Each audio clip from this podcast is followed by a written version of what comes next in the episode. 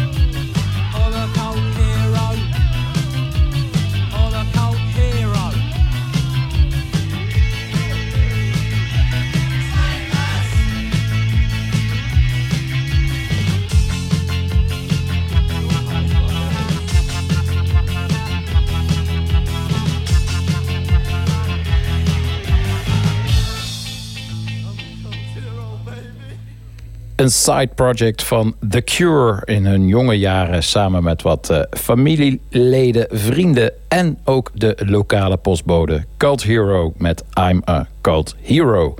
En welkom bij uw cult podcast St. Paul's Boutique. De schappen zijn weer goed gevuld, de muzikale vangst van de week, de bijbehorende verhalen en aan het eind weer een half uur in gesprek over een album met een gast. Vorige week eh, bespraken we het debuut van eh, Flip Collier samen met eh, Lucky Fons de derde. En deze week zoeken we het wat mij betreft nog dichter bij huis. Samen met journalist Gijsbert Kamer praten we straks over een van de klassiekers onder de invloedrijke popalbums Remain in Light van de Talking Heads. Daarover straks dus meer. Nu eerst lekker anderhalf uur eh, vanuit het hart plaatjes draaien en er het een en ander eh, bij eh, vertellen.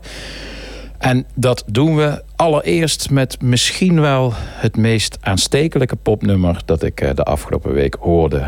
De woorden tong in cheek zijn voor deze tune uitgevonden. Chase Long, debuutsingle van het uit Isle of Wight afkomstige Wet Leg. En zoals zo vaak met tong-in-cheek nummers is het een kwestie van uh, hate it or love it. Maar ik ben er dol op.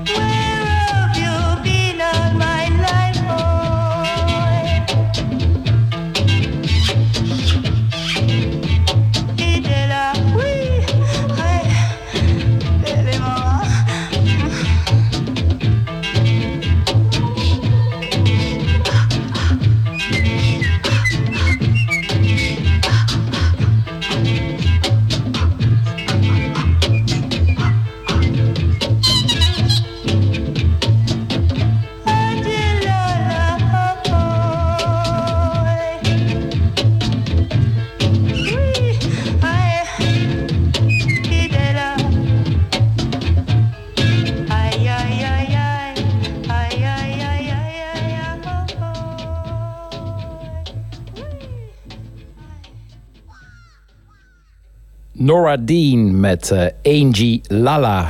Barbed Wire was haar kleine hitje.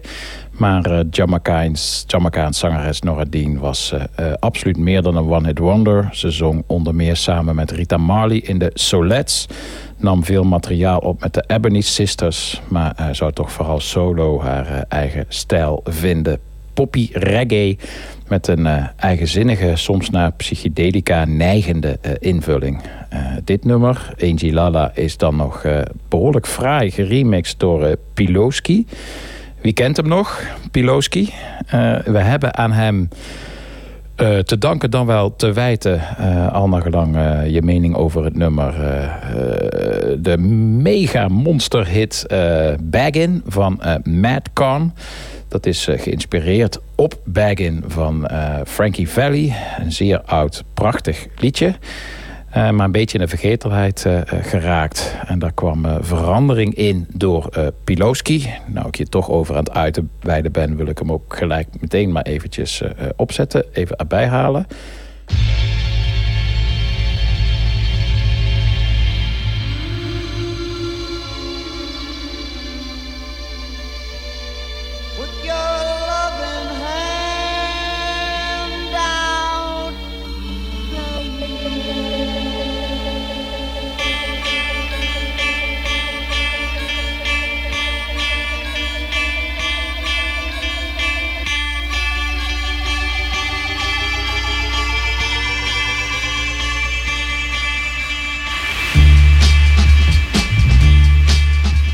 Nou, dat dus. Dat was toen al best wel een, uh, een hitje. Maar vooral nog op de dansvloeren. Door Madcon werd het uh, opgepikt en werd het echt uh, de grote hit zoals we hem nu kennen. Um, maar die Piluski die had toch wel even een soort van opleving van, van edits op zijn geweten. Wat daarna weer helemaal zou verdwijnen. De kunst van het editen. Dat had vooral te maken met de dominantie van uh, elektronische uh, dansmuziek. Alles werd elektronisch, ook de hip-hop. En nu, door de huidige disco uh, revival, is het editen, de kunst van het editen, weer een beetje terug. Denk aan de Soulwax edit van twee weken geleden van You Make Me Feel Mighty Real van Sylvester. Of de edit van de Bee Gees More Than a Woman door, door C.J. Lewis.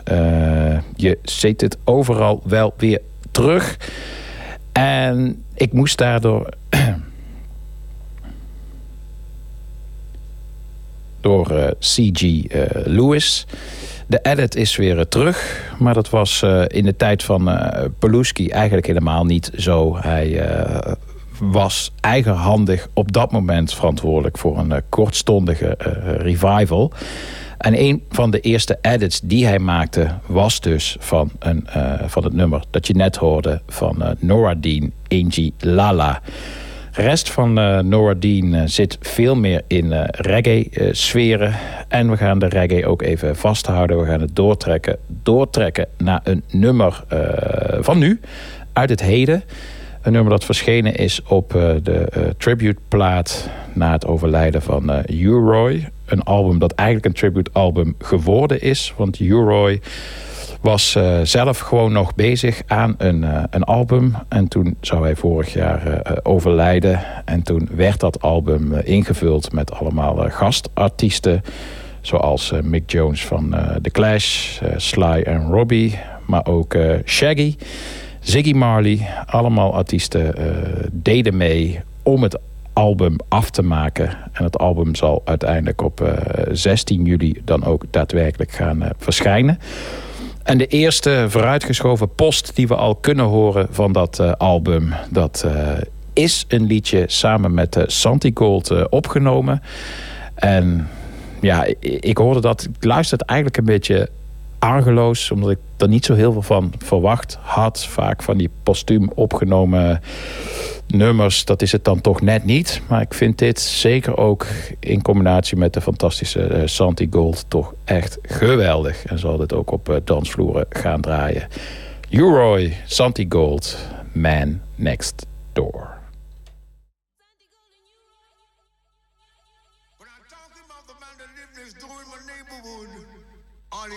And fight, as I would say. He fuss in the days and fuss in the night. Straight from the top to the very last drop, like I would say. But I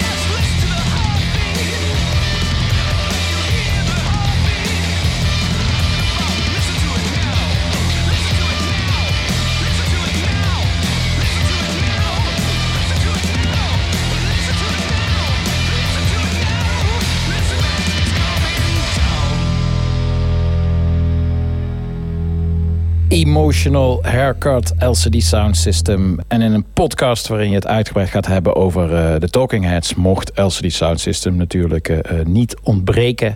Voorman James Murphy is obsessief fan van zijn New Yorkse voorgangers... Zoals hij overigens alles obsessief beleidt. En die zeer functionele vorm van OCD wordt prachtig uitgelicht in een andere podcast. Ik uh, tip regelmatig uh, dingen hier. Dat is een van de uh, ja, mooie, vind ik, een van de mooie bijkomstigheden van de boutique. Dat je niet alleen mooie muziek kan laten horen, maar ook naar andere fraaie uitingen van popcultuur kan verwijzen. documentaires, films, podcasts. En de podcast die ik er nu even uit wil lichten, dat is de 24-hour videopodcast van Pitchfork-journalist Jason Green. Uh, gewoon in al uw favoriete apps te uh, beluisteren. Um, 24-hour video. Ik had er zelf nog niet van uh, gehoord. Een luisteraar, dankjewel Axel, die tipte me deze. En ik doe het weer vervolgens doorspelen naar jullie allemaal. Heb erg genoten van de laatste aflevering. Die met James Murphy dus. Uh, een lang gesprek over vruchtbare obsessies, over films, series, documentaires, muziek. En ook, en dat geeft uh, het gesprek toch een uh, aangenaam persoonlijke touch, zelfs relaties. Podcasthost Jason Green vertelt aan het begin heel treffend dat hij James Murphy had, had uitgenodigd.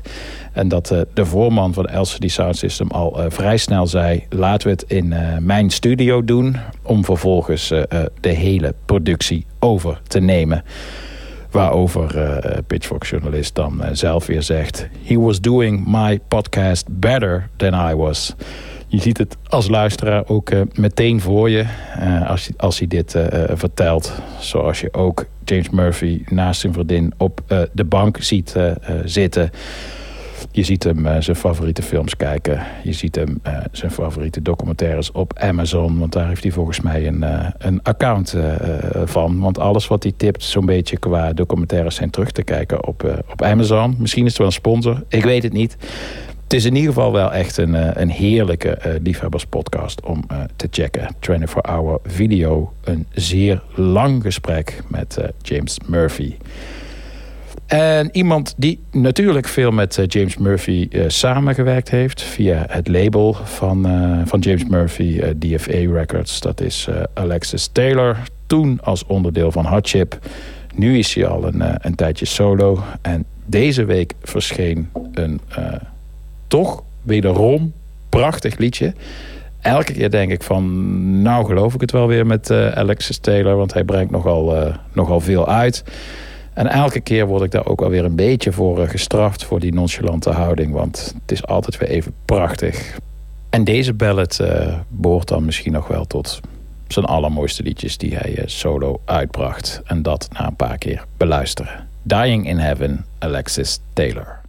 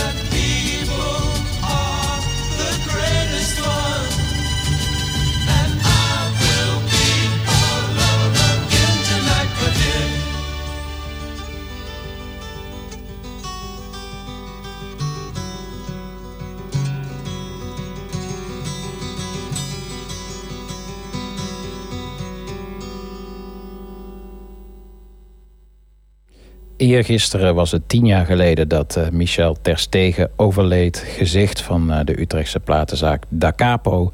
En volgens Ferry Rozenboom van Excelsior Recordings misschien wel de enige echte mod die Nederland ooit gekend heeft. Iemand met een eh, tijdloze proto-pop uitstraling en een erg fijne host in een erg fijne platenzaak. Vernoemd naar een album van de band Love, Da Capo. Eh, waarvan je net het eh, liedje Alone Again Or hoorde. Love was eh, dezelfde band die ook het, de tekst van het overlijdensbericht van Michel Terstegen leverde. Die luidde als volgt. You know that I could be in love with almost everyone. I think people are the greatest fun. Tekst die kwam uit het liedje dat je net hoorde. Ik werd hier via Twitter opgewezen door Maartje Jansma. The 60s are dead, long live the 60s. Een mooi moment om maar weer eens eh, te wijzen op de zorgvuldig samengestelde playlist die, nu, die ze nu al een eh, paar jaar maakt voor, eh, voor Kink. Vol met pareltjes uit de jaren 60 en door jaren 60 beïnvloede muziek van nu. Regelmatig bijgehouden en eh, zelden een mishit. Uit die lijst, Kink Mixties, ga je luisteren naar Sun van Margot Gurjan.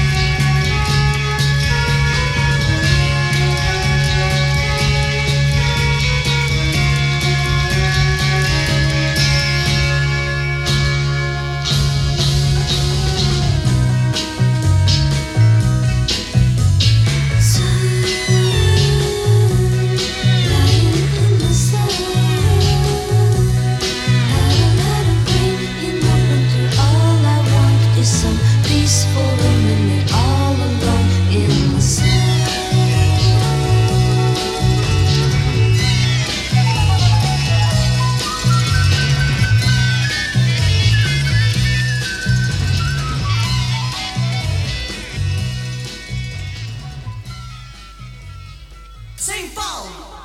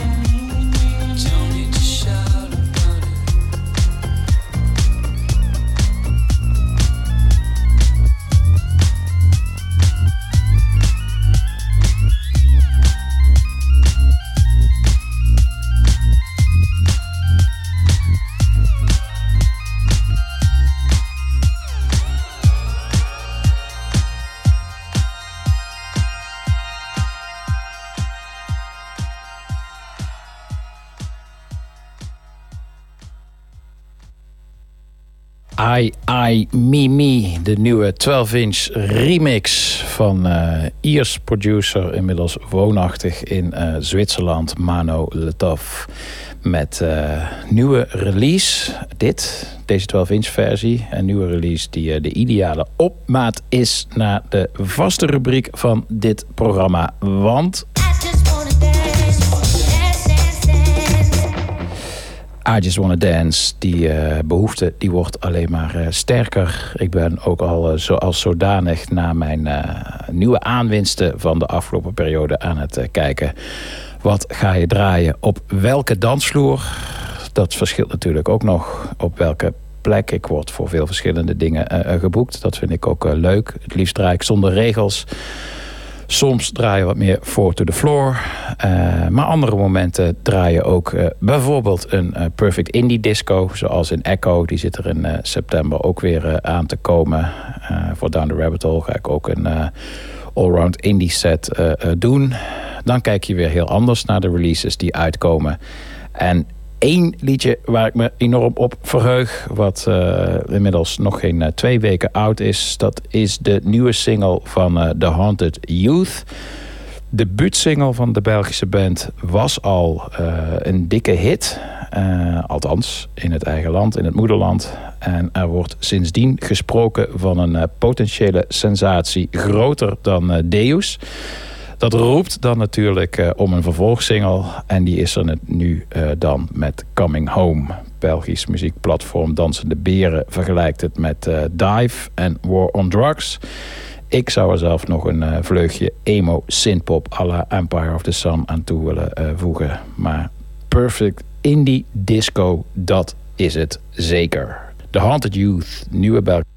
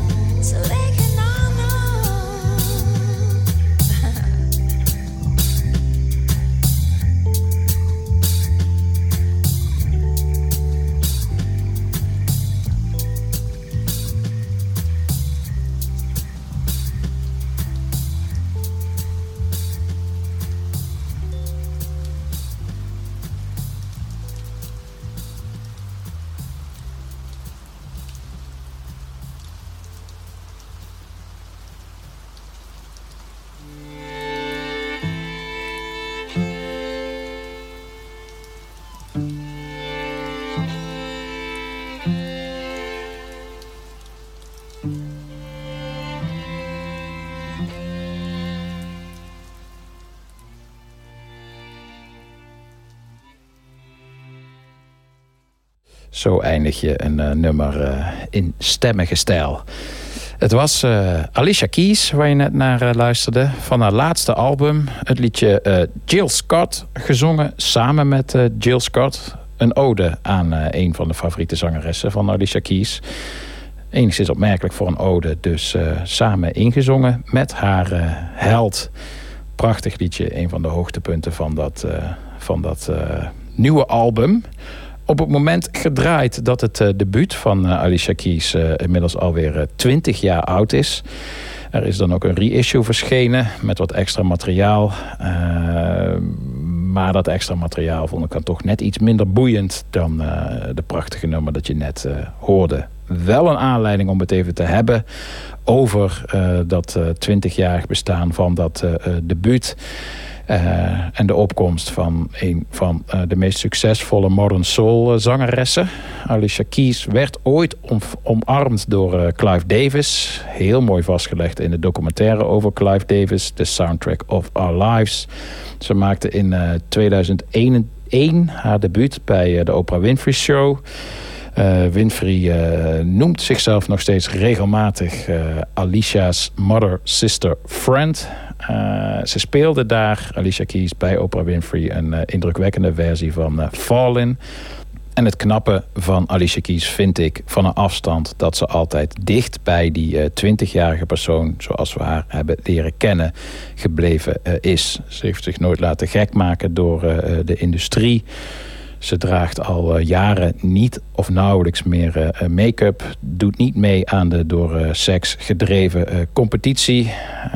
En dat element van haar karakter en carrière kan wat mij betreft niet genoeg belicht worden. En dat gebeurt dan ook nog maar eens een keer in een fraai interview met The Guardian dat ik, zoals alle tips die ik hier geef, ook op onze site zal, zal plaatsen. Eh, moet je maar een keer lezen. Daar wordt eh, vooral eh, deze kant van haar heel erg belicht. Zelf zag ik Alicia Keys tijdens haar eerste optreden in Nederland in de Melkweg. En ik ben sindsdien altijd bewonderaar gebleven. Soms wat meer op de achtergrond, maar vaak ook actief uitdragend, ook als DJ.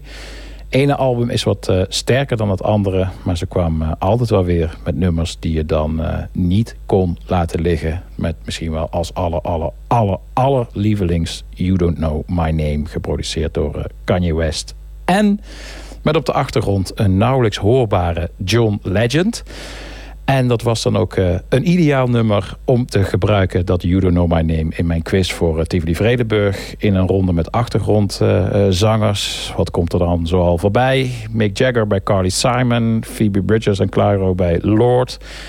Freddie Mercury bij eh, Andrew Gold. Erg leuke ronde was het om, eh, om te maken. En zoals dat gaat bij erg leuke rondes om te maken... heb je dan ook heel veel leftovers, veel gekilde darlings. En dat is eh, natuurlijk precies waar dan de eh, boutique weer uitermate eh, geschikt voor is. Om hier met elkaar even langs wat eh, gekilde darlings te lopen. Langs een paar veelal ongecredite achtergrondzangers... die de popquiz selectie net niet gehaald hebben. Te beginnen met eh Cher. Cher die niet alleen als Sonny en Cher begonnen is in de jaren 60... maar ook heel veel te horen is op hele grote jaren 60 nummers. Met name veel Phil Spector eh, eh. Zoals deze onverwoestbare klassieker.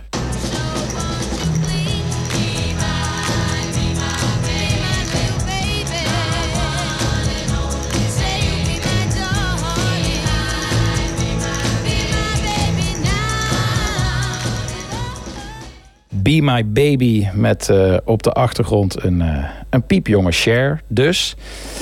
Gaan we nu naar een zangeres die op het moment dat ze op de achtergrond ongecredit eh, zong eh, al wat ouder was. Ze had al een dikke disco eh, op haar naam staan, Got To Be Real, Cheryl Lynn.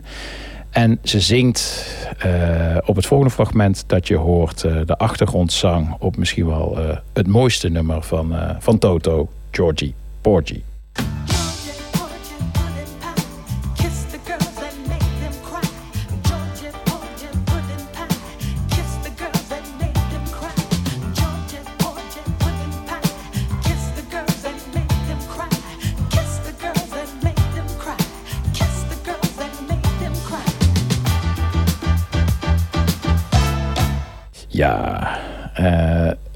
Een mooie uncredited bijdrage is die van eh, Damon Albarn voor Kali Uchis. Het eh, nog niet zo heel oude liedje In My Dreams.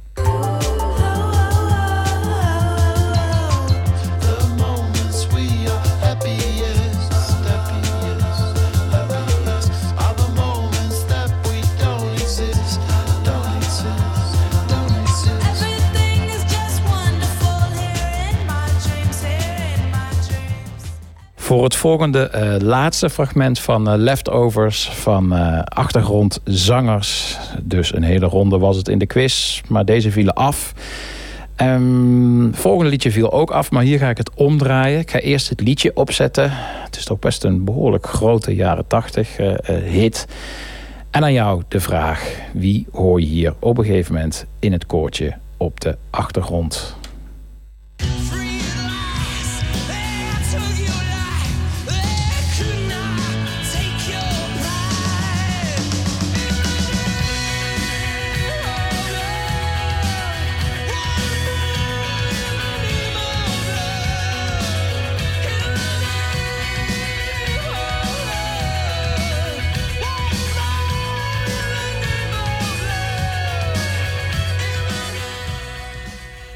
Beetje flauw. Je moet het eigenlijk wel weten, want het is behoorlijk eh, moeilijk om haar uit eh, de stemmen, de overdubte stem van Bono zelf, de bandleden, om haar hier tussen te horen. Eh, maar ja, bij een popquiz komt het toch op dat soort kennis wel vaak aan.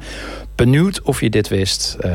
het was namelijk Chrissy Hind van de Pretenders... die je hier op de achtergrond ook ergens tussen alle overdubs terug hoorde. Laten we uh, nu uh, het quiz-elementen verlaten. Laten we een heel nummer gaan draaien. Een heel nummer uh, binnen dit thema. Een vroege single van In Excess. Die mede geschreven is door Nile Rodgers. Je hoort hem ook op de achtergrond. maar ook wel een opmerkelijke zanger. Een ook weer uncredited zanger op de achtergrond te horen heeft. Ik weet niet of die zin helemaal klopt. Maar je begrijpt ongetwijfeld wat ik uh, bedoel. Namelijk Original Sin van uh, In Excess. Met voor de oplettende luisteraar op de achtergrond ook te horen Daryl Hall van Hall and Oates.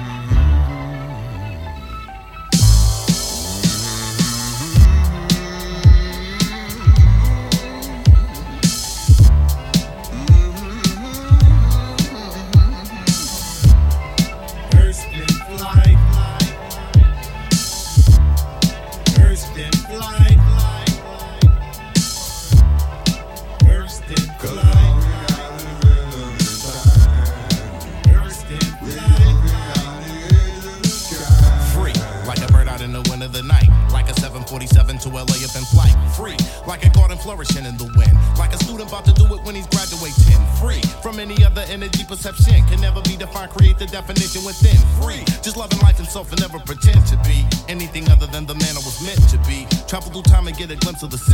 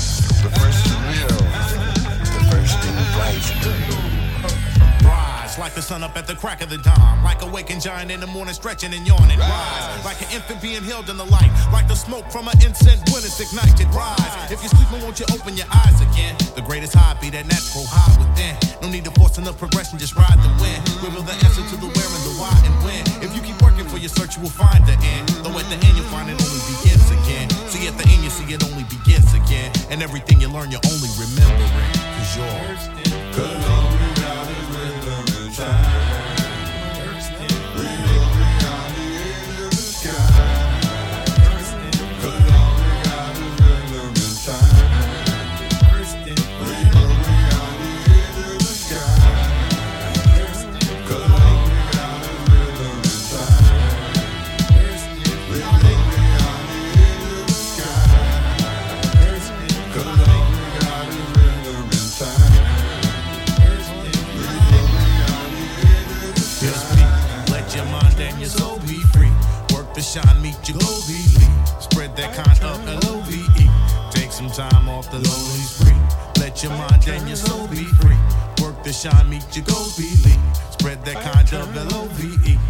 some time off the lonely. I Cause all we got is rhythm and time. I turn. We go beyond the edge of the sky. I Cause all we got is rhythm and time. I turn. We go beyond the edge of the sky. I Cause all we got is rhythm and time. I turn. We go beyond the edge of the sky. Het gaat eh, hard met de in memoriams. Eh, popmuziek wordt oud. eh, en de muzikanten als gevolg ook. Gisteren nog overleed Raffaella Carrà. De Italiaans presentatrice en zangeres. Die een geweldige pophit had. Met deze crossover pop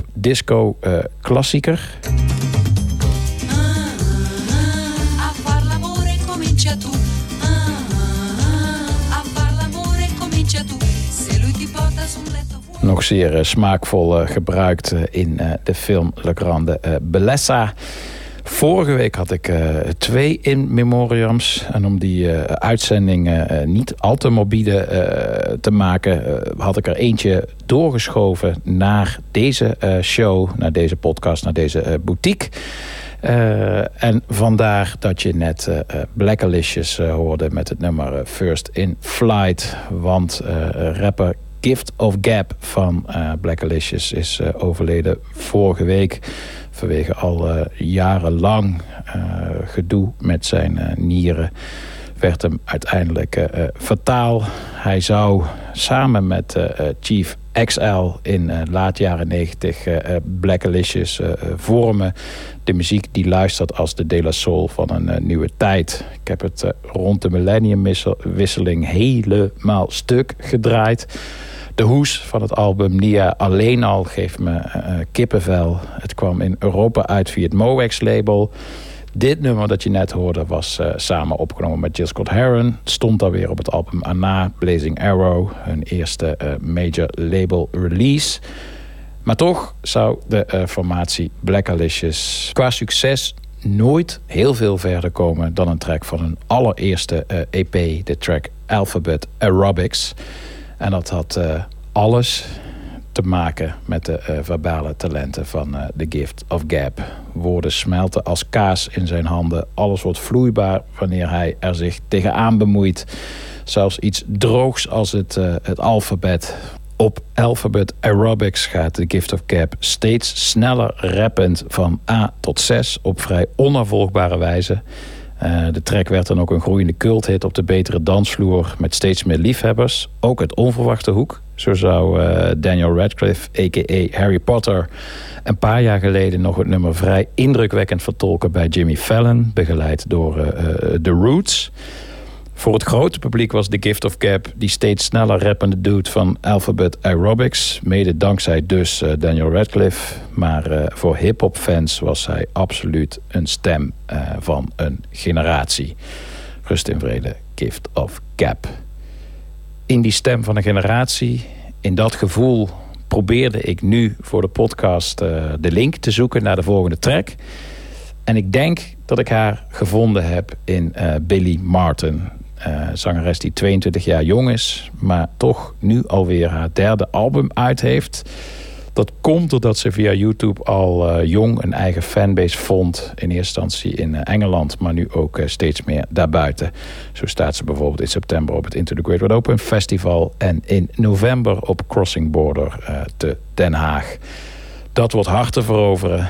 Dat kan niet anders met de stem van een engel. Van haar tweede album, Feeding Seahorses by Hand, ga je luisteren naar het liedje Mice. Billy Martin.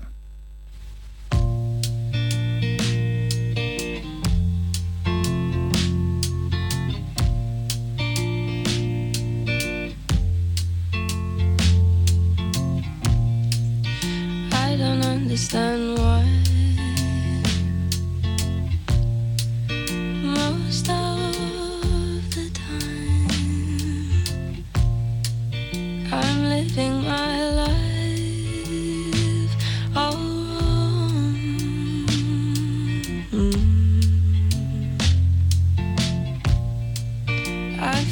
nothing at all.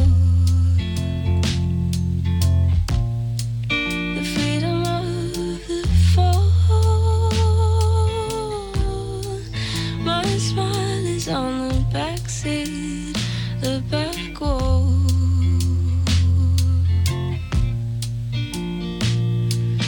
Watch me as I go separate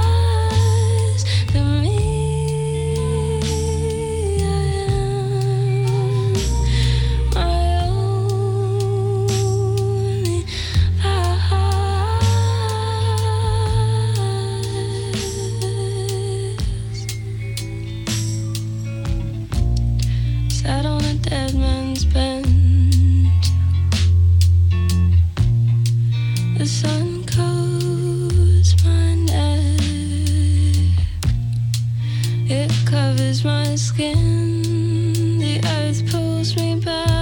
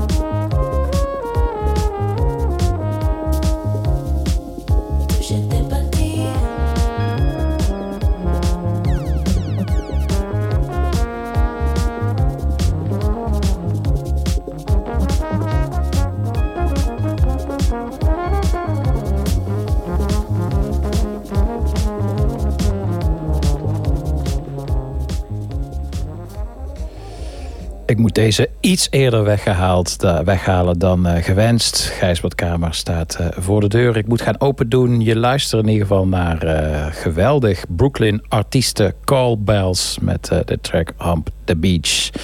Nog allemaal zeer klein, maar wel veelbelovend. Ik ga naar beneden. We gaan zo meteen praten over Remain in Light van de Talking Heads. Een half uur lang. Tot die tijd een, een tip van, van James Murphy. Ik vertelde je eerder dat hij in eh, de podcast eh 24 Hour Video het had over zijn eh, favoriete documentaires en series en films. En dat ik het vermoeden had dat hij een Amazon-account had, een zeer geliefd Amazon-account. Hij tipte onder andere Patriot, Fleabag. Maar ook een documentaire over Pulp die via Amazon te zien is. A film about life, death en supermarkets. Eh, James Murphy is fan. Ik weet dat uh, Gijsbert Kamer fan is. Ik ben ook fan van Pulp. Dus dat leek me een eh, prachtige, waardige, misschien wel gedroomde afsluiter van deze eh, boutique. Althans, de eerste anderhalf uur waarin we plaatjes draaien. Zometeen eh, gaan we over naar de albumrubriek. Tot die tijd, do you remember the first time van Pulp?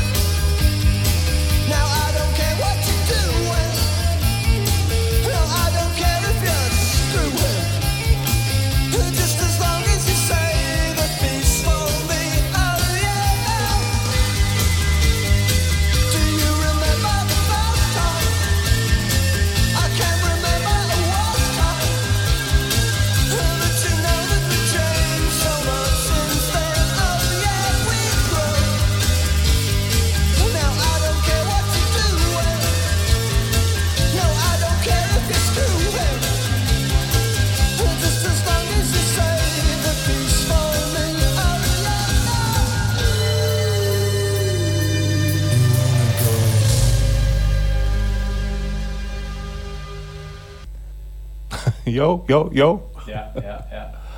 Wat, wat, wat was er dan niet goed? Je had hem gewoon niet aangezet? Of Nee, ik had wel alles gecheckt, maar eh, hij liep nog niet op de play of de record? Nee, nee, niet record. op de record.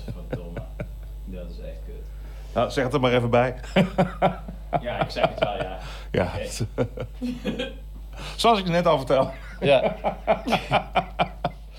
Ja, maakt niet zo. Ja, eh, enig drama hier in de studio. Ik ga het eh, inderdaad ook op jouw verzoek gewoon, eh, gewoon zeggen. We zijn allebei niet de grootste acteurs, maar ik heb een kapitale fout gemaakt. Ik zit hier voor het eerst helemaal alleen, de techniek, techniek doend. En ik ben een vrij belangrijk onderdeel vergeten van een podcast opnemen, namelijk op de recordknop drukken. Dus Gijs, wat eh, excuus. We Ik heb een half uur een ontzettend goed verhaal gehouden over Remain in Light van Talking Heads. Het is allemaal verdwenen. Het bestaat allemaal niet meer. Dus het nu, ik heb, begin nu een godschuwelijke hekel aan die platen te krijgen. ik zal mijn best doen om nog iets anders Je hebt het allemaal exclusief voor mij gedaan. Ik heb het allemaal exclusief voor jou gedaan, ja. Ja. Nee, ik, eh, nee het, eh, mijn enthousiasme is... Grenzeloos. Dus het eh, is grenzeloos als het over deze plaat gaat. Dus het, eh, ik hoef niks te acteren. Oké. Nou, luisteraar, eh, jij zit er gelijk ook in. Eh, excuus aan jou, Gijsbert. Ehm, wij gaan het even opnieuw eh, doen. Ik zit hier met journalist Gijsbert Kamer. We bespreken Weet je zeker dat hij loopt? Remain in Light. Zal ik nog even kijken? Kijk nog eventjes voor de zekerheid. Moet jij wel in je eentje door? Ik ga geen derde keer... eh, Nee, hij loopt. Hij loopt.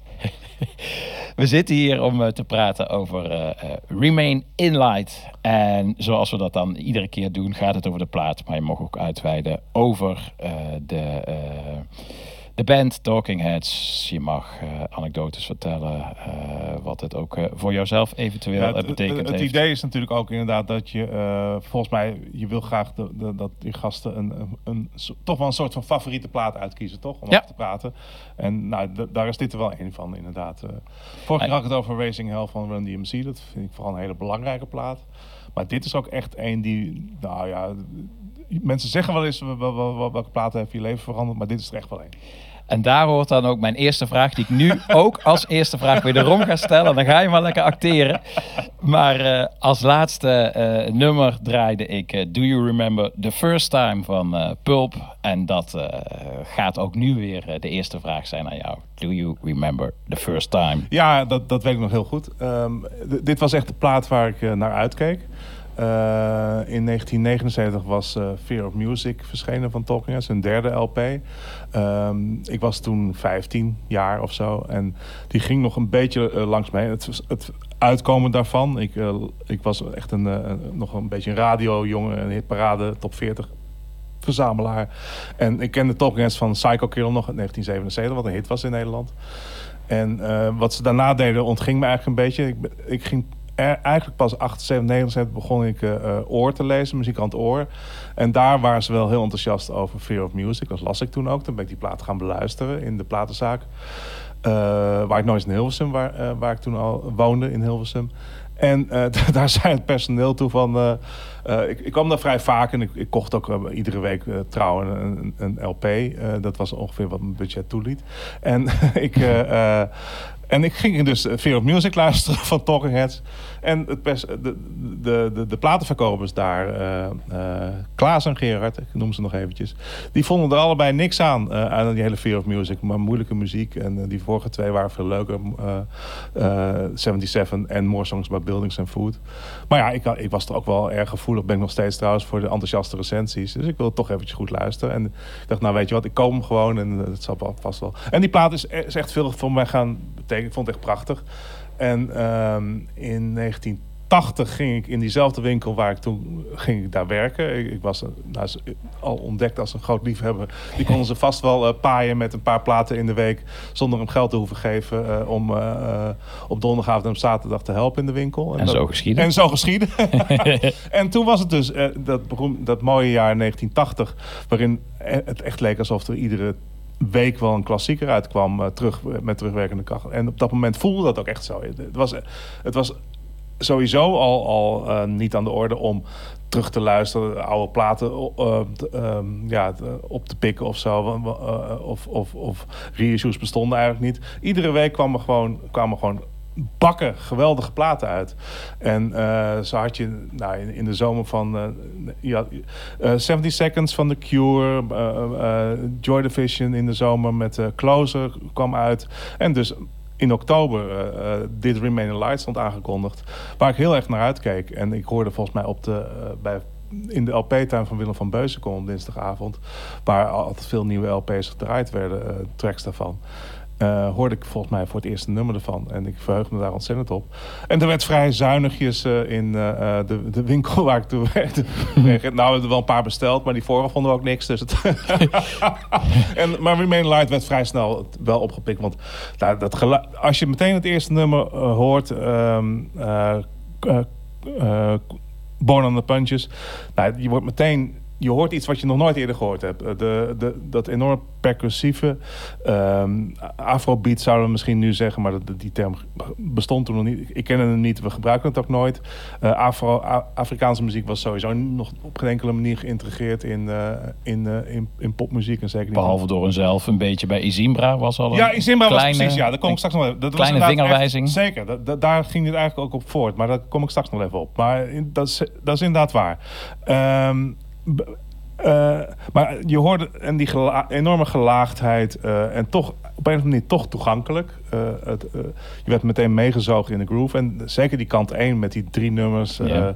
Ja. Cross and Painless, Born on the Punches en The Great Curve. Dat, dat, dat heb ik altijd echt als één, één lange track van 18 Ja. minuten beschouwd. Het ging echt in één keer door. Het gaat ook omhoog in tempo ja, per dat, nummer. Ja, dat, nou, dat, dat zul jij dan vooral later hebben vastgesteld als DJ. Maar dat, dat, ja, dat klopt inderdaad. Ja, ja. En Ja, wa- wa- dat- wat, ik, wat ik op, opmerkelijk vind is dat je zegt dat eh platenzaakmedewerkers dan eh, hier wel op, op Ja, aansloegen. dit vonden ze maar, meteen eh, goed. Ja. Ja. Terwijl die plaat daarvoor is veel meer in die zin een... ja, nou, er staan natuurlijk ook wel een beetje rare weer nummers op, zoals Drugs en Electric Guitar. ja, ja. Klopt wel, En maar, ik, Animals, wat ook niet meteen voor iedereen. Ja, maar dit, deze Ja, plaat is volledig... ja. Er stond ook Memories, Can't Wait en nog later door Living Color gecoverd. En Mhm. ik, ik, op, op dit album is het echt dat Ja. puur ritmische. Het, ook voor het eerst dat ze gingen, gingen loopen. Ja. En eh, wat ze daarvoor ook nog niet deden. Dus dan zou je zeggen dat de klassieke ook hier meer moeite mee Ja, heeft. maar nee, dat, dat, eh, dat is. Maar, nee, maar dit, dit, dit pakte iedereen meteen wel op. ja. En het werd ook een grote, een, een, een- ja, grote winkelsucces, zeg maar. En, wat, en het, eh, ik probeer me ook nu een beetje voor de geest te halen hoe, hoe dat nou verder eh, opgepikt werd, zeg maar, in de media. Eh, ehm, ja, behalve dan dat, dat eh Oor enthousiast was en internationale pers ook. Er waren natuurlijk helemaal geen popprogramma's. Die, die clip van Once in a Lifetime, wat natuurlijk de hit single werd, die kwam pas in 81 toen, ja, maanden later dus na de LP-release. werd daar een clip van vertoond. Maar waar, weet ik eigenlijk ook niet meer. Ik moet hem een keer gezien Nee. hebben.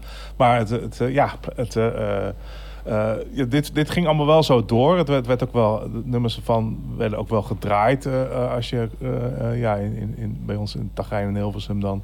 Maar als je op zaterdagavond uitging, kon je het ook wel horen. Tussen alle disco en, de, ehm, en reggae door. Ehm, en later zag ik het zelf ook vrij snel opzetten. Ik ging in 81 zelf draaien. Dus ik, ik, had hem ook altijd bij me. For Once in a Lifetime en Houses in Motion eigenlijk vooral. Die twee nummers. En ehm, ja. Misschien is het goed om eh, dat ritmische waar Ja, we nu nog een beetje in zitten, om heel even eh, meteen eh, Ja, hoe de plaat begint. En, hoe En- je, en, en de, de verbijstering. Want ik, ik had dus echt nog nooit. Ik, ik had sowieso op mijn 16 jaar. Want ik was toen 16. Nee, nee, ik was net 17. nog niet zo heel veel gehoord. Genoteerd. Maar ik was wel heel gretig en heel. Maar ik, ik kon dit ook niet. Ik kon, ik, had geen, ik kon het nergens mee vergelijken. Nee, maar ook En nog steeds niet. oh, hoe het begint, Ja. dat moet voor een popplaat in die tijd alleen al uniek Ja. zijn geweest. Je hoort een eh, wat nondescript eh percussiegeluidje van een halve seconde, denk ik. En dan meteen de beat, de groove erin. Alsof het bij wijze van spreken een album van eh, Disclosure betreft.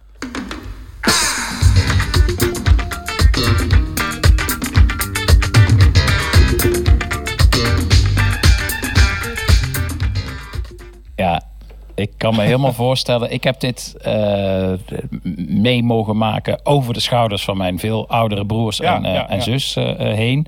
Wel ook al van veel, van heel jonge leeftijd. Maar natuurlijk nog met nul besef van, van popmuziek. Ehm, maar wel al volledig onder de eh, indruk. Ook van de clip die je net noemde. Waarbij het nog wel even mooi om te vertellen is dat die clip... die is geregisseerd door Tony Basil. Die we kennen van haar eh, succesversie van Hey Mickey. Ja, Eh, oh ja. en zij regisseerde de video voor Once in a Lifetime. En ter inspiratie hadden zij samen allemaal eh, opnamen gekeken van epilepsie-patiënten. en dat was de eh, inspiratie voor, eh, voor de Once in a Lifetime video. Ja, en dat zit je dan als, eh, ja, hoe oud ben ik? Eh, over de schouders van je broers en zus mee te kijken als zesjarige. Eh, en dat vond ik Ja. toen al echt waanzinnig eh, indrukwekkend. Ja, maar, maar het is bij mij ook eh, jarenlang en, en nog steeds denken we wel eens aan terug. Het is een soort referentie wel geweest voor als ik iets hoorde, iets nieuws hoorde, kan dus echt, dat bleef ook lang doorgaan. Iedere week leek het wel een nieuw meesterwerk uit. Maar altijd was er een soort, eh, altijd dacht ik even van ja, het is wel goed, maar is het net zoals uh, Remain in Light? Had het, net- eh, krijg hetzelfde gevoel, die gelaagdheid, bla bla. En dat was eigenlijk bijna nooit echt het geval. Terwijl natuurlijk al die platen hadden natuurlijk allemaal weer hun eigen eh, kwaliteiten. Maar dit was zo eh, anders dan al het andere. En het aardige vind ik ook wel eh, dat eh, je, dat het, het zong zich ook wel rond of zo. Talking Heads werd echt steeds meer een, een, eh, een, grote, een grote naam onder, ja, misschien wel onder de liefhebbers, onder het, ja, circuit waarin ik me dan in bevond. De mensen die toen ehm, eh, de volgden, die, die wisten waarschijnlijk ook nog steeds van niks. Maar ik weet nog, vlak nadat het album uitkwam, eh, werd ook bekend dat uh, kwamen spelen eh, in de Jaap Edehal. En ik was eigenlijk nog, nog een beginnend concertganger. Ik was eigenlijk nog nauwelijks ergens geweest. Maar de Edehal, dat wel op een of andere rare, vreemde manier. Ik had Waar haar- was je al geweest? In Jaap Edehal Ja, in waar? Amsterdam. Eh, bij Madness and the Specials. Ah, ja. Die waren in oktober eh, van 1980 eh, ook geweest. Met Raymond van het Groenewoud. Dat was zo'n countdown evenement. Ja. En met- grote dank aan Veronica natuurlijk die het allemaal deed. En, maar, maar Talking Heads kwam dus met notabene de B-52's als voorprogramma. En B-52's hadden die geweldige Wild Planet een tweede LP. De rode, je had het gele en de rode. De gele was de eerste, de rode was de tweede. Allebei, in allebei even goed, vind ik nog steeds. En ehm, die kwamen ook. En eh, eh, Pearl Harbor and Explosions was volgens mij de derde band, de eerste band. Maar, dat, ja. maar het ging dus vooral om die twee. En da- daar kon je gewoon kaartjes voor kopen. En dat, dat, daar hoefde je niet eens voor in de rij te liggen of zo. Dat, dat, dat, dat, dat ging gewoon. Dus, nou ja, dus zo heel bekend waren ze dus ook niet. Als eh, een, een 16, 17-jarige jongen uit Hilversum gewoon een week later een kaartje Ja, kan kopen. precies. Dan. En, maar de- voor, wij, voor betrekkelijk weinig geld. Want dat, dat is ook in die tijd. Concerten waren ook niet zo heel duur. Want eh, eigenlijk gingen bands alleen maar op tournee om hun plaat te promoten. Dat, dat, eh, Maar als ik het chronologisch goed begrijp, eh, in de tijd, Stop Making Sense, dat kwam weer een paar, Ja, een paar jaar later. later, ja, ja. Maar dit was wel het eerste moment dat het gezelschap Meestal Ja, dat in zouden spelen met eh, eh, Bernie Worrell van Ja, ze zo, Parliament en, ja. en Funkadelic. Ja. Dat die band samenkwam. Ja, Adrian Blue was erbij. Nona Hendricks, de zangeres, die ook op de plaat meezong. Ehm, eh, die zong, was er ook bij, volgens mij in het koortje. En dat was echt een hele grote band. En het klopt ook wel met wat David Byrne later zou zeggen. Hij wilde eigenlijk steeds meer af van het, idee van ik ben de frontman. Ik wil in een groot gezelschap wil ik, eh, die plaat brengen. En, eh, de, en zo klonk de plaat ook. Het was, het was niet een, eh, een zanger begeleid door of zo. Het was echt alle lagen door elkaar heen. En dat maakte ook achteraf misschien wat dat, dat, dat concert eh, zo waanzinnig in de Edehal. Eh overigens, mensen die dat wil, een idee willen hebben hoe dat was... er staat een geweldig concert op YouTube van de Talking Heads in Rome. Dat was een paar dagen later, eerder of later, als in, het was 11 december was het in, eh, in de Edehal. 1980 en een paar dagen later volgens mij was het in Rome. En dat, dat concert is, is, nou ja, als je dat terugziet, dan, eh, dan weet je wel hoe, hoeveel impact zoiets kan hebben op een jongen van 17. die ik toen was. Precies. Maar, en, en welke had dat op jou? Want dat kunnen zij wel voor jou invullen. Maar ik wil het ook even van jou first hand horen. Ja, kijk, het, het was sowieso een van de eerste concerten, eh, de, eh, grote concerten eh, op- van belangrijke dingen. Vier dagen later zou ik Joe Jackson zien in de, in de Vredeburg, 15 december, zou ik ook nooit meer vergeten. Nee. Maar die had toen eh, net zijn Beat Crazy uit. Ehm derde op. eh, ehm, het, het, het, had natuurlijk, ja, ik vond het ongelooflijk. Ik had, ik had nooit zoiets gezien, ge- meegemaakt en gevoeld ook, denk ik. Eh, En is het dan een jonge Gijs wordt zwetend vooraan, dansend? eh, Nee, is het dat- eh, dat- achter- toen al achterin met een Nou, biertje? ik, ik was toen bij, toen bij, ik, ik was natuurlijk bij de Specials en Madness geweest. En daar liep het behoorlijk uit de hand door al die, die ska-fans. ik hoor nog eh, eh, Terry Hall roepen van... eh, eh, watch out, back up, the stage is collapsing. De mensen drongen allemaal podium op. Dus ik, ik, ik, ik stond daar toen wel iets te dicht bovenop. En ik ben sinds ja, bij Tolkien ben ik een beetje achterin gaan staan. Met ja, en, daar kon je ook een beetje dansen. En eh, was wel relaxed. En zo groot is die Ede al ook niet. Dus je kon het allemaal nog heel goed zien en, en alles ondergaan. Maar dat, dat maakte had ontzettend veel impact. Maar, eh, ik, maar, er is geen maar. Behalve dan dat de impact van de plaat echt groter was. Ja. Ik bedoel, dat, dat, dat heeft echt... eh, dat zou ik echt nooit, ja, nooit vergeten. Dat, ja, toch wel. En ik wil ook- het, het aardige is, eh, ehm, ik heb ook nooit echt geweten hoe, hoe die plaat helemaal tot stand kwam. Wat eigenlijk wel dingen zijn die nu al snel, als je iets hoort, graag wil weten. Maar het was er en ik vond het geweldig. En eh, heel veel interviews waren er ook niet. De Oor had volgens mij een interview over, eh, met David Byrne over Remain in Light, maar er is niet veel van bijgebleven. En eigenlijk pas nu, eh, vorig jaar verscheen er van drummer, Talking Heads drummer Chris Frans, een, echt een geweldig boek, Remain in Love, Talking Heads, Tom Tom Club en Tina, zijn autobiografie. En daarin legt hij uit ja, hoe toch wel problematisch eh, Remain in Light eigenlijk tot stand gekomen is. Vooral eh, in de per- persoonlijke verhoudingen problematisch. Het hoofdstuk waarin hij het album eh, aan, ja, beschrijft, begint als volgt. Remain in Light, considered by many to be the Talking Heads greatest record, and by some to be one of the greatest recordings of all time, almost didn't happen. en, want wat, wat was er aan de hand? David Byrne was, het was na 1979, eind, eind 1979 was de band op tournee geweest. En David Byrne was toen met eh, Brian Eno, hadden ze zich min of meer teruggetrokken.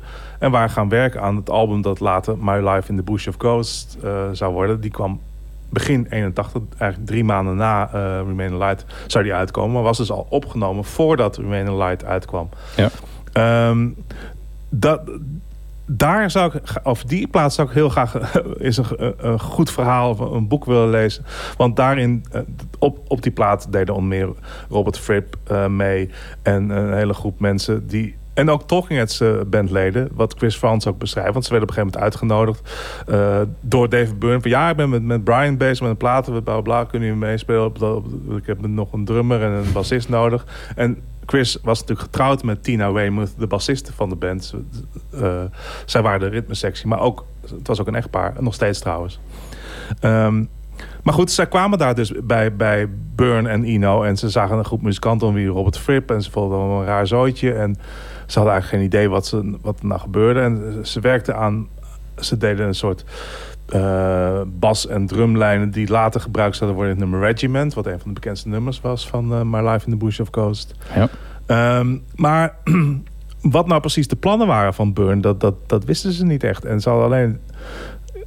Ze hadden sterk het vermoeden, en dat beaamde eh, Burn ook wel, dat hij helemaal geen zin meer had in Talking Heads. En sterker nog, Chris Frans werd op een gegeven moment, eh, kwam die een journalist tegen, die zei van, ja, eh, hoe ga je nu verder? Want ik heb begrepen dat, van David begrepen dat die is eruit gestapt. En zij wisten nog helemaal van niks.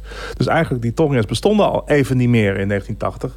Eh, Ino, die, die de vorige twee platen had geproduceerd, Fear of Music en More Songs About Buildings and Food. Die, eh, en Burn die hadden elkaar echt gevonden. Die waren bezig met eh, allemaal eh, nieuwe manier van opnemen. Nou, het veel met, met samples en dat soort dingen. En, ehm, en Burn die wilde al zich een beetje... die wilde zijn rol als, als zanger, als frontman... wilde hij da- daar al wegdrukken eigenlijk. Die wilde meer gaan produceren en meer dingen in elkaar gaan zetten. En... ehm, die, ja, ze, ze hadden dus eigenlijk helemaal geen zin om, om nog met, met die Talking Heads eh, verder te gaan. Een van de mensen die ze ook vroegen was eh, John Hessel, de trompetist. Daar heb je vorige week eh, bij stilgestaan. Ja. Die zou op eh, My Life in the Bush of eh, eh, meespelen. Alleen, er zijn ook dingen opgenomen. Alleen die was daar zeer ontevreden over. Die vond eigenlijk, die, Ino en Burn, die, die, die, die er helemaal niks van met hun rare ideeën over wereldmuziek. En eh, daar wilde, daar wilde de- die die, dus hij is wel bevriend gebleven met Ino, eh, maar die had er helemaal geen, geen trek meer in. En John Hassel is, is wel een van de namen die mij opvielen op, op eh, Remain in Light. Want ik kende hem. Eh, hij, doet het, hij doet het de geweldige trompet in, eh, in eh, House in Motion. Ehm, maar Vorige ik- week overleden, daarom ja, had ik het erover. Ja, daarom hadden we het erover. Had jij het erover. En, ehm, maar ik kende hem van de plaat die hij met Brian Eno had gemaakt. Die in begin 1980 al verschenen was. Ford Music Possible Worlds. een van de ambient platen. Die overigens mijn pet te boven ging hoor. Ik, ik had daar in die tijd niet echt geduld voor. Voor die eh, ambient dingen van Eno. Dat, dat, zou, dat had een paar jaar nodig. Maar ik, ik, ik kende wel. Ik kende Hoes. Ik kende, we verkochten dat. En ik kende de naam Hassel kende ik wel. Dus het was al toen al eh, toch wel... hey, die doet ook mee op eh Ino. Op Remain Light. Dat vond ik wel leuk. Ja. Maar goed. En Robert Palmer. En Robert Palmer, de- die, ja, wat, wat wel interessant is, om het verhaal even af te maken. ehm, Tina en, en Chris, die zijn toen ze dus dat gedoe met, eh, met Burn en, en, en, eh, en Ino hadden gehad. eh, die zijn zelf wel een beetje gaan, gaan toch maar muziek gaan maken. Ze zijn gaan jammen. En die waren eigenlijk wel heel enthousiast eh, over de grooves die ze hadden eh, eh, samen. En die zijn toen weer Ino gaan bellen van toch wel, hoe dat nou precies zat. Want ik begreep dat ze ook weer ruzie had. Maar goed, die zijn toch gaan bellen van je moet even komen. Want we hebben iets wat volgens mij is dat wel leuk. We moeten het misschien opnemen. Die kwam toen en er kwam Burn er weer bij. En toen ontstond er toch wel iets van een soort enthousiasme om weer iets te gaan doen. En eh, toen zijn ze met, vervolgens met de hele handel zijn ze naar de Bahamas gegaan. Waar ze, waar, waar ze studio, de, Compass Studios, waar ze al eerder geweest waren. En ehm, daar zijn ze toen gaan werken aan wat uiteindelijk Remain Light is geworden. En eh, eh, dat heeft ook weer heel veel voet in de aarde gehad. Want Burn die had, die wilde de teksten laten doen, die wilde die dan alleen doen. En toen kwam Ino en Burn die gingen dan vervolgens weer allerlei partijen weghalen uit die nummers. En die moesten later weer teruggezet worden. En allemaal heel gedoe. En vervolgens was er een heel gedoe over de, over de rechten, begreep ik uit het boek. Eh, Ino vond dat hij toch wel eh, net zoveel eh, ja, geld mo- moest krijgen voor, alle voor, voor het werk dan de rest. Dus hij vond dat alles door vijven gedeeld moest worden. Terwijl de- zijn werkzaamheden aan het album volgens Chris Frans eh, vrij minimaal waren. En in de, eerlijk gezegd hoor je dat ook wel. Joh. Je kunt nou niet echt zeggen dat dit een, een, een Ino-plaat is of zo. Dus het, eh, Nee. eh, maar goed, toen, het antwoord wat hij, wat ik kreeg... oké, eh, als jij dan eh, zo nodig net zoveel wil hebben als, als wij... dan moet je ook eh, een half jaar met ons op promotietournee. Want zo noemden ze eigenlijk die hele eh, eh, wereld. En het was een promotietournee. En, maar daar had hij natuurlijk weer geen tijd en geen zin in. Maar het was, al, het was echt gedoe. En als je nu ook de credits kijkt... eh, de, er was dan afgesproken... Het zou, eh, eh, eerst zou het gewoon Talking Heads en Brian Eno zijn. En toen, nu, toen werden al die namen... Dan zou het eerst David Byrne en, en Eno... En, nou ja, Maar En- dat, dat vind ik ook zo fascinerend aan eh, sowieso de mooiste popmuziek die vaak gemaakt is. Eh, dan denk ik aan eh, bijvoorbeeld Fleetwood Mac. Maar ik denk ook aan eh, Daryl Ann, wat jij nog mede uitgelicht hebt in de podcast over 25 jaar Excelsior. Ja. Podcast gemaakt door Tivoli Vredenburg. Maar Daryl Ann, Fleetwood Mac, Talking Heads, dat je ziet dat mensen die elkaar bij wijze van spreken het bloed wel op een gegeven moment kunnen drinken, dan toch ja. dat allemaal opzij zetten zodra ze samen. Voelen Ja, dat ze mooie is- muziek aan het er schrijven is zijn. iets heel moois uitgekomen, toch? Eh, en dat, dat is ook een beetje het nadeel van het boek, vind ik eigenlijk. Dat, dat eh, Chris Frans, die, ja, die- zoals hij het dan beschrijft, denk ik echt dat het alleen maar ellende was. Maar er is natuurlijk ook gewoon iets heel moois eh, Ja. uitgekomen. En dat, dat vindt hij dan ook wel. Maar er is... Er is altijd wat gebleven tussen eh, David Byrne en de rest van Talking Heads. Het is nooit echt Ja, hij schrijft hem ook toch met regelmaat brief, een brief Ja. dat hij eh, graag wil dat ze samen dat weer. ze samenkomen. En David Byrne vertikt dat gewoon. Want die, Ja. heeft, die heeft echt zoiets van... Ja, hoor eens even. Ik kan het allemaal prima zonder jullie. Eh, ik kan alle nummers... Nou, dat weten we ook van American Utopia. Ik kan alle nummers die ik van Talking Heads... Die, die, die ik wil spelen, die kan ik spelen zoals ik ze wil. Ik heb je er niet bij nodig. En nou, nou, dan krijg je ook weer de financiële kwestie natuurlijk. Dan moet hij alles weer met hun gaan delen. En daar heeft hij natuurlijk ook geen trek in. En eh, ik begrijp allebei de kanten wel. Maar, maar het is ook... Want ik, wat, wat mijzelf, waar ik zelf van baalde... is dat... ehm, eh, na Remain in Light ik kreeg natuurlijk die, die My Life in the Bush of Coast, die, die ik ook echt fantastisch vond meteen al. En dat is ook echt wel een, beetje, dat vind ik nog steeds een geweldige plaat trouwens. Ja. Maar we moesten volgens best lang wachten op tot er weer iets nieuws van Talking Heads kwam. En dat, dat duurde maar en dat duurde maar. En ik weet nog wel dat eh, het onverprezen programma Moondogs van de Vara Radio, volgens mij in 1982 zijn we twee jaar verder, eh, al eens ehm, nieuw materiaal kon laten horen, wat later op deels anders. Maar op eh, volgende plaats Speaking in Tongues, eh, Tongues zou uitkomen. Die plaats zou in 1983, zomer 1983 verschijnen.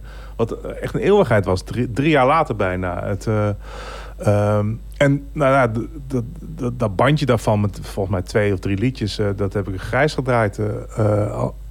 En toch had ik toen al zoiets het is niet meer zo goed als dat het was. Terwijl ik eigenlijk helemaal niet kritisch was, want ik was gewoon fan. Maar het, het voelde toch anders. En eh, ik vind nog steeds alles wat, wat daarna verscheen... eh, Speaking in Tongues was natuurlijk een leuke plaat. Eh, Little Creatures vond ik ook leuk, met Road to Nowhere en zo erop. Maar het miste die, die la- gelaagdheid, het miste de diepte. Het, miste, het, mis- het was nooit echt wat het was. Het is niet voor niks ook. En daar zou ik tot slot, eh, voordat we naar jouw nummer gaan, draaien, gaan luisteren... wat we van de plaat gaan draaien, zou ik daar nog even op willen inzoomen. Eh, het is natuurlijk ook niet voor niks dat dit album nog steeds zo ontzettend Ja, geliefd nee, is. En Ja. sowieso eh, de Talking Heads eigenlijk eh, tot en met dit album. Ehm, ook door een nieuwe generatie DJ's heel erg opgepikt. This Must Be The Place bijvoorbeeld is echt een, een club anthem geworden. Eh, en ook die, eh, nou ja, je zegt het zelf al, toen werd het geen Afrobeat genoemd. Nou, nu kun je bijna geen eh, dekmantel DJ vinden die niet ook leuk vindt om af en toe het woord Afrobeat te gebruiken. Dus het is, eh, ja, het, het, het, is heel erg goed eh, opgedroogd. Wat, wat, En- dat komt niet alleen. de- ik denk dat Stop Making Sense daar ook een heel grote rol in gespeeld heeft. eh, nog steeds. Eh, die, die film en. en De film wel, maar ja. de, van die soundtrack bijvoorbeeld, die, ik weet nog dat toen ik begon met draaien, was die live versie van Slippery Ja, People. precies, die ja, werd echt heel veel in clubs gedraaid. maar dat is, die, hoor je, ook, die nee. hoor je niet zoveel meer. Nee, Eh, oké, het is dan toch echt. Als je DJ's nu tracks hoort draaien, Ja, ja. dan is het eh, once in a lifetime, eh, this must be the place. En inderdaad, als wat je zei, dat is natuurlijk. Dat, Ja. dat is- lag een beetje model, dat, dat zegt Chris Vans ook wel aan de, de, de, de, de jam sessies die ze deden. Want dat nummer beviel, was een goed bevallen. Maar dat was eigenlijk de, de openingsnummer van Fear of Music. Ja, Dat het album Een heel raar nummer was dat eh, in de tijd ook. En, en dus nu is dat een dansnummer ge- geworden. Aria draait ook volgens mij best wel. Ja, zeker. En het, eh, d- dat was, ja, dat was in 1979 niet het geval. Nee. Dat, dat, vonden we allemaal, dat, dat was echt een van die... Ja, mijn, mijn collega's begrijpen wel dat, dat ze daar wat moeite mee hadden. En wa- waar ik benieuwd naar ben, hoe, hoe jij dat ziet. Je was bij de Jaap Ede-hal, dat kan ik niet zeggen. Ik was veel te jong. Eh, ik heb het altijd op, eh, nou ik denk in mijn top drie van eh, bands die ik weer bij elkaar zou willen zien komen, heb ik het altijd in mijn top drie gehad. Totdat ik eigenlijk eh die American Utopia eh, Tour zelf live zag. En helemaal toen ik de Spike Lee eh, verfilming zag. Die Ja. nu trouwens nog steeds in heel veel steden Ja. draait. Die Hij is ook op DVD verkrijgbaar. ja, de Spike Lee verfilming van American Utopia. En zeker bij die Spike Lee verfilming doet hij heel veel. wordt ook echt ingezoomd op alle Talking Heads nummers die hij speelde tijdens die tour. En als ik dat dan daar zo zie, dan vraag ik me toch af of een reunie daaraan had kunnen tippen. Ik, ik, denk het niet. Ik denk dat... dat eh, eh, ik heb David Byrne ook, los van American Utopia... ook geweldige concerten zien geven... waarin... ik herinner mij in, de, in die, hoe heet het, de Grace Kelly Theater, hoe heet het, wat- wat er even stond eh, in eh, Amsterdam. Tussen de Heineken Music Hall en wat later Ziggo Dome werd. Ah ja? Dat, dat kleine theatertje. eh, daar, heb ik, daar heb ik Dave eh, als solo-artiest gezien. Dat deed hij een aantal nummers van... volgens mij vijf, zes nummers. Ook, ook een aantal nummers van Main Light. Dat was fantastisch. Ik heb hem in, in de, de Rode Doos, de Vredeburg, ook solo als solo-artiest. Daar deed hij eh, materiaal van ehm, David Byrne en Brian Eno dus samen. Dus er- ze hadden weer net weer een nieuwe plaat gemaakt. En deed hij dus ook veel dingen van Talking Heads. Dat was ook fantastisch. En eh, ik denk niet dat Chris Frans en Tina daar nu zo'n... En, en natuurlijk de toetsenist Jerry, Jerry Harrison... Dat, dat die zo essentieel zijn voor, dat, eh, voor die uitvoering. Nee. Het klinkt een beetje lullig, maar Nou ik, ja, begrijp, ik begrijp, eh, dat is ik ook begrijp Burn wel. domme pech dat hij gewoon nog Ja. zo goed weet wat er ook speelt. En, en dat nog zo goed kan vormgeven. En dan ook zo'n... eh, Blijft Ja- vernieuwend. ja, Janelle Monet erbij betrekt. En het helemaal met ook een Spike Lee helemaal naar het verhaal van nu weet te trekken. Ja, da- dan heb je eigenlijk een beetje de pech dat je een voorman hebt die, eh, eh, die, die, die alweer ve- verder geëvolueerd is. Ja. Waardoor een reunie denk ik toch weinig eraan. Als ik voor mezelf spreek, terwijl het altijd in mijn top 3 stond. Maar toen ik dat zag, Ja. toen dacht Ja. ik van... Nou, Nee, het, het, zal, het zal nu altijd gaan tegenvallen als het nu gebeurt. Ja. Kan haast niet anders. Ik wil nog één ding wel zeggen over Remain Light. Wat ik altijd... eh, ik, je had dus die eerste kant met die drie lange nummers. Maar dan heb je de, de kant twee. Once a Lifetime House in Motion, Seen and Not Seen, Listening Wind en de Overload. Vond ik wat minder. Seen and Not Seen vond ik nooit zo'n heel sterk nummer.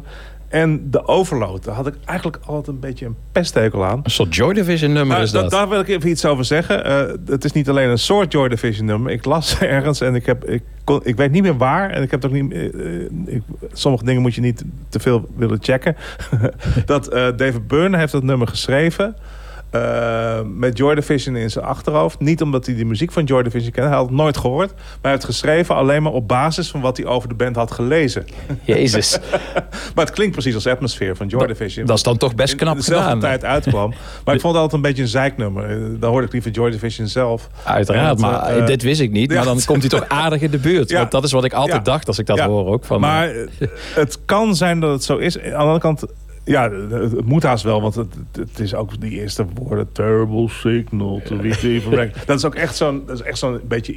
Mensen die Ian Curtis na wilden Ja, parodiëren... die zouden zo'n tekst en het staat David Byrne toch ook een stuk minder. eh, Ja, ja precies. Ja. En het, maar of het echt, ik kan me ook in, in de hele dynamiek van het opname van het album... kan ik me weer niet zo goed voorstellen dat hij ineens met een nummer komt waarin die... Maar misschien ook wel misschien... Ja, nou ja, het, zal, het zal wel. In ieder geval, het lijkt heel erg op Joy Division. Maar het is het niet. Ik vond het altijd wat minder nummer. Maar. En dan is er nog één ding dat ik wil zeggen richting de luisteraar. Eh, ik heb het als eerder hier in St. Paul's Boutique gezegd. Maar er zullen wellicht luisteraars nu eh, vanwege jou of vanwege Remain, Remain in Light... eh, voor het eerst luisteren naar de boutique. En die wil ik dan ook verwijzen naar een podcast van The Fader. Door The Fader gehost. Daarin laat ze Mark Ronson met allemaal eh, gasten praten. Mark Ronson praat met David Byrne. Hij is overduidelijk fan. Dat staat een kritieke houding, kritische houding soms wat in de weg. maar het is wel een geweldig eh, gesprek tussen twee geweldige muzikanten, Mark Ronson en David Byrne. En het gaat ook heel erg over American eh, Utopia en over zijn werkwijze. En eh, David Byrne heeft, vind ik, zoals Paul McCartney dat ook heeft, zo'n ongelofelijke eeuwige voorkomendheid. Dat vind ik echt ongelooflijk. Dat Ja. hij, dat hij tenminste, of ik kijk net al die dingen waar hij in een voorkomende bui is, maar ik vind hem altijd heel erg welbespraakt, heel erg vriendelijk. Je kunt hem ook niet raken. Dat is soms ook wel eens dat je, dat, dat je denkt van laat hij echt het achterste van zijn tong zien. Eh, Maar nee, nee, ik heb hem helaas een, ik heb hem een aantal keren mogen spreken ook. eh, en dat, dat, dat, dat het achterste van zijn tong eh, krijg je niet te zien. Nee. Nee. Hij lacht alles een beetje weg. En Ja, het is- precies. Het is een mooi heerschap. Het is een heel vriendelijke man. En hij weet ook als hij geïnterviewd wordt waarvoor hij daar zit. En het is meestal... Ik heb hem één keer toen hij een boek had eh, geschreven over fietsen. Dat was heel erg leuk. En één keer toen zijn laatste album eh, kwam. En eh, toen hadden we het ook wel over optreden en zo. Maar, nou ja, de- over alles. Maar het is nooit echt helemaal... dat je denkt van, nou heb ik je of zo. Of, of dit is het verhaal wat ik, wat ik, waarvan ik hoopte dat hij het ooit Ja. een keer zou vertellen. Dat is, zo'n man is het niet. Nee. gelukkig doet hij dat met zijn muziek. Precies, ja. En daar moesten we nu maar eh, wat van laten horen. Want welke track eh, heb je uitgekozen om mee te eindigen? Nou, dat, dat, dat is het tweede nummer van de drie. We, hebben, we, waren, we hadden eigenlijk steeds... We wilden natuurlijk één nummer uitkiezen. Cross-Eyed en Painless wo- wordt het dan. Het tweede nummer van de drie nummers die... die die eigenlijk die lange groove eh, vormen van kant 1. En er is ook nog één leuk dingetje over te zeggen. Op een gegeven moment hoor je David Byrne tegen het einde een beetje rappen. Facts are straight. En- Maar uit het boek van wat ik net aanhaalde... eh, begreep ik dat eh Byrne zat daar een beetje mee. Hoe moest hij dat nou doen? En eh, toen zei, zijn, zei Tina volgens mij tegen hem... ja, misschien moet je het gaan rappen. En rappen, wat is dat? En toen lieten ze hem, wa- waar we vorige keer al over hadden... Curtis Blow met de breaks horen. Te gek. En dat begreep hij meteen. En toen kwam dus toen de, de eerste rap van David Byrne in dit nummer. Ah, geweldig. Dankjewel Gijsbert. Ik hoop dat het een beetje meeviel. eh, een tweede keer, een tweede take. Als doen we nog wel een derde. Ja, precies. Ik ben er eh, heel erg blij mee. Ja, en ik kijk, uit, ja, ik kijk uit naar je volgende keuze. En ehm, ja, jullie allemaal bedankt wederom voor het luisteren naar eh St. Paul's Boutique. Ik zit er volgende week braaf weer. Ben nog even eh, in de weer met eh, de, eh, de gast die dan zal eh, verschijnen. Er staan een aantal op de agenda. Met potlood ingevuld. Je komt er volgende week wel achter wie dat is en over welk album het zal gaan. Maar ik hoop dat je weer bij me bent voor een nieuwe St. Paul's Boutique aflevering podcast. Opgenomen vanuit Tivoli Vredenburg. Cross-eyed and painless.